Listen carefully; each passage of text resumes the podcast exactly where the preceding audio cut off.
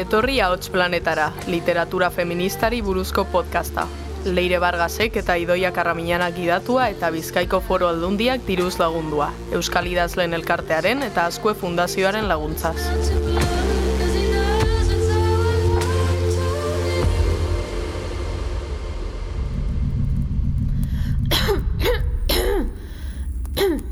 Hau bai marranta. Zerbait ukitu dute hauek biek. Nire barrenean sentitzen dut. Ai, hau da bizitza. Zer duzu bai, Idoia? Baina ez duzu igarri. Lurpetik hazi berezi hori atera genuenetik dena kontrara doa. Mm, bai, izan daiteke badut alako area antzeko bat e, estarrira itxatzita. Ekaitza datorrala. bai, hau izan, izan behar da urteetan zehar esan gabe gelditu den guztia. Emakumeen ahotsa kanporatzeko garaia da. Ba, ireki beharreko meloia mai gainean jarri dugu oraingoan. Eta usua alberdi du izena. Uxue Alberdi Estibaritz Euskal Idazle eta Bertsolari Gipuzkoarra. Mila bederatzireun da larogeita lauan elgoi barren jaio zen. Bi mila iruan hasi zen bertso paper lehiaketak irabazten. Xenpela saria eta osinalde saria besteak beste. Bi mila zazpian bere lehenengo liburua argitaratu zen. Aulki bat elurretan. Aur literatura ere jorratu izan du. Bere azkeneko lanak, kontrako eztarritik, Susa argitaletxeak kaleratuta, Euskadiko literatura saria jaso zuen 2008an. Bertan, emakume bertsolarien testigantzak jasotzen dira. Ai, beno, ondo ja da. Ze kontrako estarritik sartzen bazaigu ez du zertarako balio izango. Alberdik dioen bezala lan hau irakurri eta gero digestioa egiten utzi behar dugu.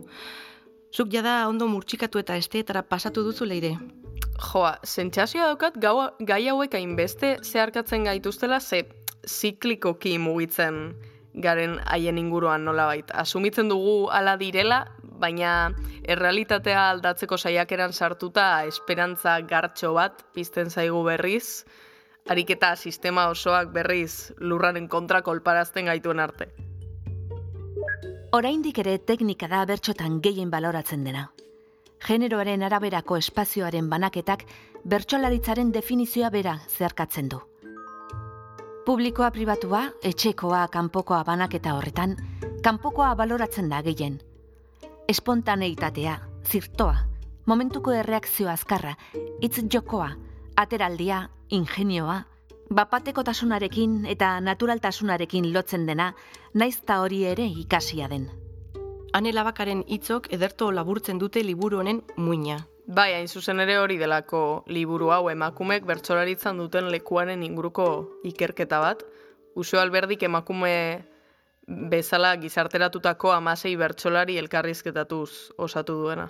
Hori da, finean ikusarazten du heteropatriarkatuak nola, oza, nolako aurpegia jantzten duen bertso munduan. Bizipen propioetatik abiatuz, hausnarketa kolektiboak biltzeraino. Argitalpen beharrezkoa zen, gainera, ze iruditzen zait duela hamarkada batzuk emakumeak bertso plazan lekua hartzen hasi zirenetik sinetsita daukagula oso mundu aurrerakoia dela bertsolaritzarena, nolabait esateko.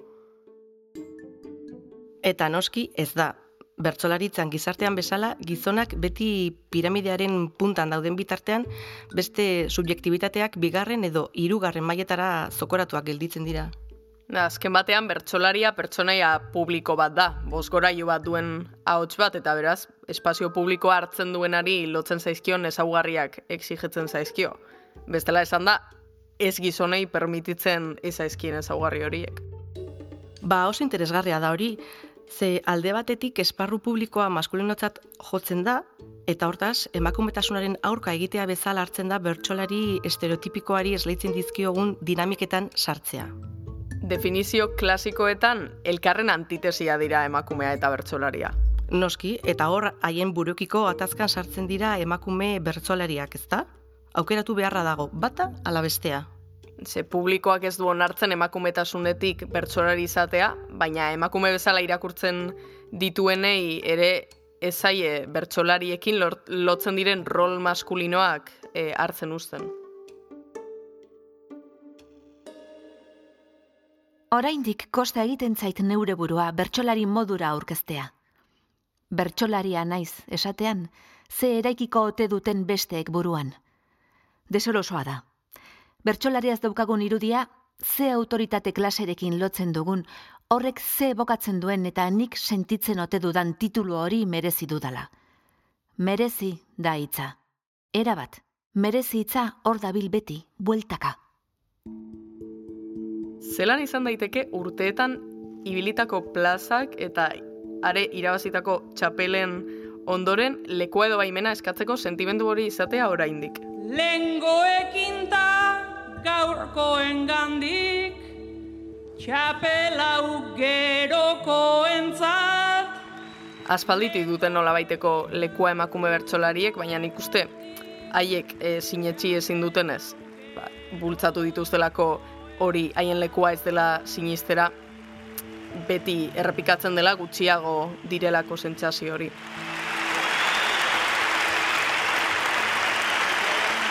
Argi dago, sistema horren eragileek estatus hori egongortzen ez badute, denbora pasa eta lausotu egiten da. Eta orduan berriz hasi behar da borroka, argudioak, denbora guztian asaltzen zergatik zauden hor.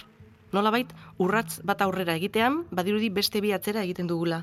Eske entzun behar dena, mutiak plaza barik gelditu direla, neska sartu direnetik, eski. Bai, eta ustezko merezimendu falta hori edatu egiten da besteengan ere, ez duzu uste? Publikoan, baina baita kideengan ere, hori bai, gogorra. Normala da, horregatik azkenean e, neskek ere barneratzea guzti hori. Baina ez da erreala, eta horrek eragin behar duen autoexigentzia emakume bertsolariengan suntzitzailea izan behar da.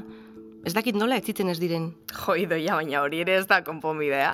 Egia, baina hainbeste energia nik ez dakit izango nukeen. Baietz, baietz, izan zaitez baikorra. Euren bideari ekin behar diote eta horren aurka saretzea eta aliatu onak bilatzea dagakoa. Bai, hori bai. Eta alase dio nerea ibarzabalek, ez? Gizon nagusiekin ume sentitzen naiz, eta emakumekin emakume. Eta horretarako gaude hemen, hauts planetan, emakumeen ahotsak loratzen laguntzeko, aintzatesten ditugula jakin dezaten eta haiekin batera azteko. Ai, leire, eskerrak gogoratu didazula ze deprimitzen hasian nintzen. Bo, larregi ere ez animatu ere. Bai, badakit. Zenbat eta liburu honetan gehiago sakondu orduan eta usteltasun gehiago ageri da. Adibidez, irakurri dut gorputzarena. Hori ere aldebiko ezpata. Mamirik ez du falta.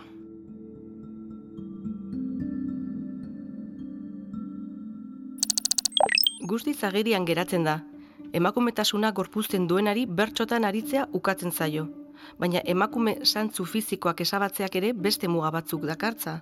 Desexualizazioarena adibidez. Baita gainera ez da bakarrik ustezko emakume gorputza edukitzea eskatzen, baizik eta arauzko emakume gorputza mm, normatiboa. Da hori azaltzen du onintzaen behitak hain zuzen ere ez, e, berari lodia izatearen ukatzen zaiola sexualitatea. Bai, arrazoi asko daude izaki sexudun giza irakurriak ez izateko. Ile laburra duzula, aitaren alabatza eta beraz aurtza hartuta izatea. Horren barruan, ederra iruditzen zait esparru hori esploratzeko lekua emakume bertsolariek haien artean aurkitu izana. Azken batean, emakume bezala esleitzen zaizkigun ezaugarrien gatik, egoera zaurgarri batean egon gaitezke, sexuaz era publikoan ari garenean. Bai, eta beste emakumekin aritzeak ordea segurtasuna ematen du.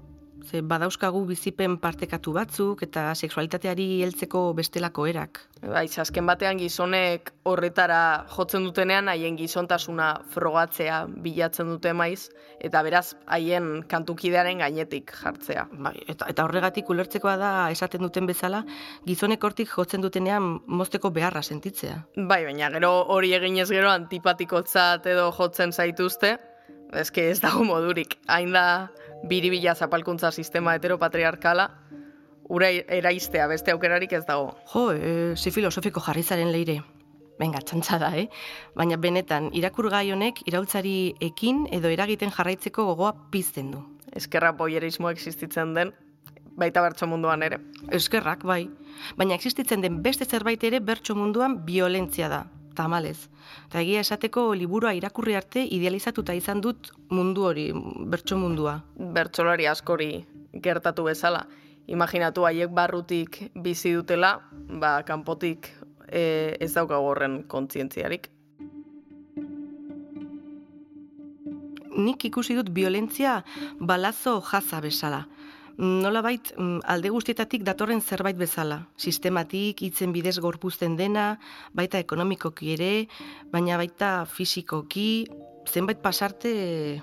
Hmm. Bai, liburuan azaltzen diren komentario batzuk abusu sexualetik oso hurbil daude. Buah, ez dago ezer esatekorik. Edo gizon horien adibidea, zerbait berria irakatzi beharko balizute bezala, emakume izateak ahalbidetuko ez balu ezagutza horiek izatera. Ne, Kasu horietan desautorizazioa agerikoa da, hori da lehenengo arazoa. Bigarrenak berriz eh, aurrekotik eratorria deslegitimizazio hori violentzia gisa ez onartzea dakar. Zedena dago hain naturalizatuta, ez dela erreza izan behar perspektibaz begiratzea. Gainera violentziak edo indarkeriak ertz asko ditu, gehiegi. Hala da, gainera askotan violentzia hori emakumen arteko lehiara bideratzen da. E, arreta okerreko etxaian jartzen dugu. Eta uste dut horrek bi polo zabaltzen dituela emakumengan. Alde batetik emakume bati inbidia izatea, baina gero sentipen horregatik txarto sentitzea ere. Badirudi zoratu nahi dituztela emakumeak. Hori da, eta baita entzuleak ere, hainbeste kontrako seinalerekin, Eta zer diozu umoreari buruzko gogoetez? Hor barruan ere asaleratzen da violentzia izugarria. Eta sineste da, disiplina horretan mesperritxuzko kutsu hori normalizatu izana. E, emakumeak guztiz barregarri uzten ditu. Betidanik egin den bezala, ez? Itzusia, basua, lodia, mm, azken baten desberdina edo pertsona ez normatiboekin. Gu ere emakumeak izan gara bigarren klasikoak, bazterrekoak. Baina horrez gain, e, bromen objektu izatetik emakumeak bromen e, sortzaile izatera ere pasatu dira. Mm, hala da, baina ematen du emakumeek horretan posizio isilagoari eutzi behar diotela. Ez dakit, intelektualagoari, sotillari edo... Ba, esaten duzuna ere agerikoa da. Emakume batek ematen du ezin duela e, ezin dela txantxetan aritu, gizon batekin alderatuta gizonak beti izango duelako grazia handiagoa. Baina zergaitik da hori? Ez, ez, ez dut ulertzen. Entzun, Bertxokide mutil batekin batera asko kantatu izan dut. Saioetan, grazioso papera beti berak zeukan. Eta gure saio dinamikan beti zen nik bidea ireki eta berak errematatu. Kolpea jo. Edo berdinetik berdinera hasten ginenean ere, ingurukoei edo elkarri harpa jotzen, berak beti grazia handiagoa egiten zuen. Berak esandakoari barre gehiago egiten zioten, naiz ez ziren beti bere bertsoak hobeak. Beti bera zen graziosoa, eta ni akompainante.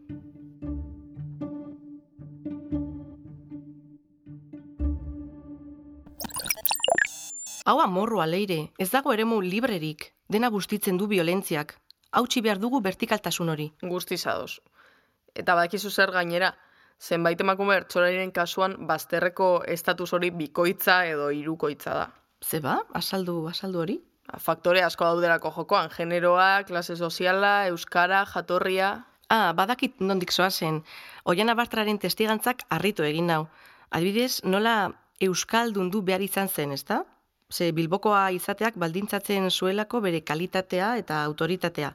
Benetako bertsolariak e, landa mundutik datozenako mendira. Na, azken batean bertsolaria izatea lotuta dago euskalduna izatearekin, baina euskaldun mota jakin batekin, noski. Hori da, baina ber, gizartea gero eta poliedrikoagoa da. Orduan bertsolaritzak ere aldaketa hauek eh, jaso beharko ditu, ezta? Eta eta garatu. Uste dut gizonak oso kontziente direla ez direla gurekin lehiatzen. Haien liga dago. Eta amorrazioa ematen die emakumeen plaza existitzen hasteak, beste liga bat sortzeak, emakumez bakarrik osatutako saioak oso gutxi diren arren. Asko kusten dute, neska garelako kantatzen dugula. Diskriminazio positiboa existitzen dela. Ez digute zuzenean esaten, baina bai zeharka adierazten. Baina azken ikerketa soziologikoak gezurtatu egiten du. Horregatik galdetzen dut, neska izateagatik kantatzen dut, ala neska izanagatik. Hala izaten da, ez? E, orain feminismoa lehen lerroan dagoenez, e, emakume bat deitu behar delako, eta beraz, bertsolari izatearen bainoago, emakume bezala balio dutelako deitzen zaiela leporatzen diete bertsolariei. Bai, kupoa dagoela edo, ezta? Kontrara, azken batean, haien burua zalantzan jartzera daramatzen den faktore bat gehiago da. Entzun nahi nauelako deitu didate, ala neska bat behar zutelako. Noski. Eta neskentzako lekuak neurtuta daudenez, emakumen arteko leia dator. Beste, azpi meloi erraldoi hori. Oso fuertea da hori. Nola emakumeok produktu utzak garenez, orain modan jartzen gara eta bertsolarien kasuan plaza asko dauzkaten eta hemendik hilabete batzotara beste bat sartu eta aurrekoarekin ahaztuko direla ematen duen. Azken batean horrek eragiten du alde batetik nork bere burua saldu behar duelako sekulako sentsazioa eta ondoriozko presioa eta bestetik gure kideak mehatxu bezala ikustea eta elkarri kontra egin behar badiogu gure lekua defendatzeko zein bestuko gaitu. Tira, horren aurrean sortu dira sare eta espazio feministak, ez da? Ez da kasualitatea bertso saio feminista musikatuak kasu. Bai, hori gabe Halakoek ematen digute era individualean jasotzen ditugun zapalkuntzei egiturazko erroak ikusteko aukera. eta barrenak ustekoa. Pena da bestalde batzuk hortik kanpo daudela sentitzea. Bo, egia oso gaitza dela espazio horizontalak sortzea eta subjektibitate guzti lekua egin eta norbera privilegio duna denean atzera pausua ematea, ah, nik uste horretan datzala feminismoa horiek identifikatzeko eta usteko etengabe jardutean. Hain zuzen, feminismoak ere indar handia du bertsolaritzaren barruan.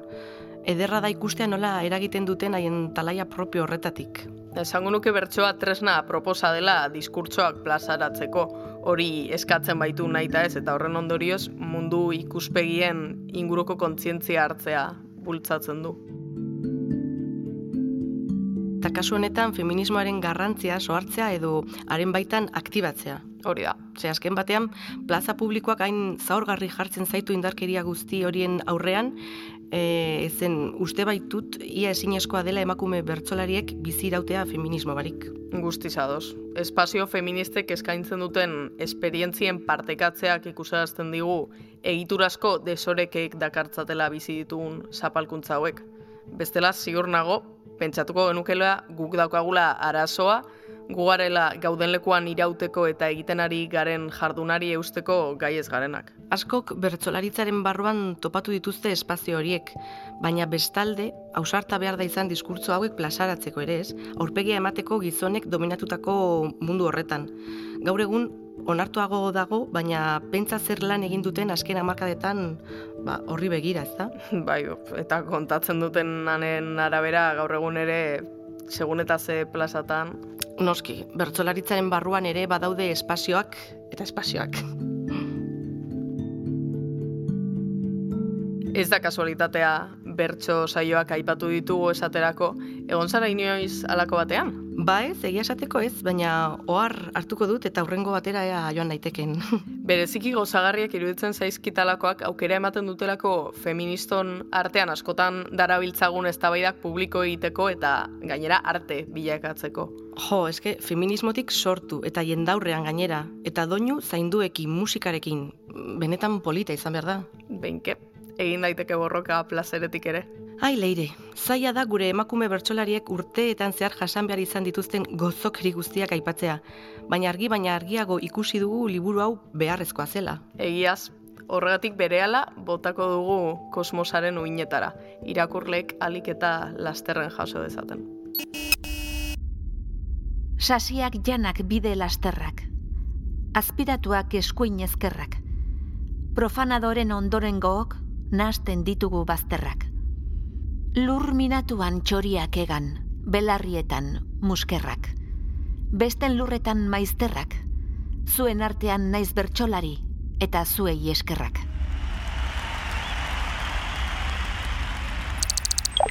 Ai, begira, begira, idoia, ateri du.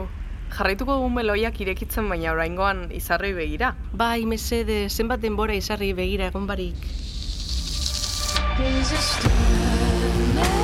Hau iraultza. Nire neskak, leire, idoia, irakurleak, idazleak, poetak, bertsolariak, liburu landare zainak, espazioko bidaiariak, hemen nirekin egotea, eta nire muinaren partaideak izatea deskriba ezina izan da.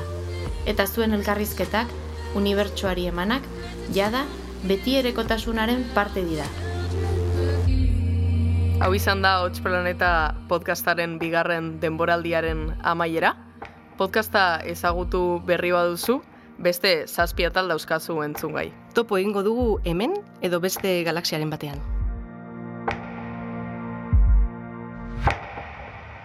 Ahots Planeta Bizkaiko Foru Aldundiak diruz lagundutako eta Euskal Idazlen Elkarteak eta Azkue Fundazioak sustaturiko podcasta da. Jada entzungai zure audio plataforma gogokoenetan. Ei, txt, entzun hori. Ulu Media.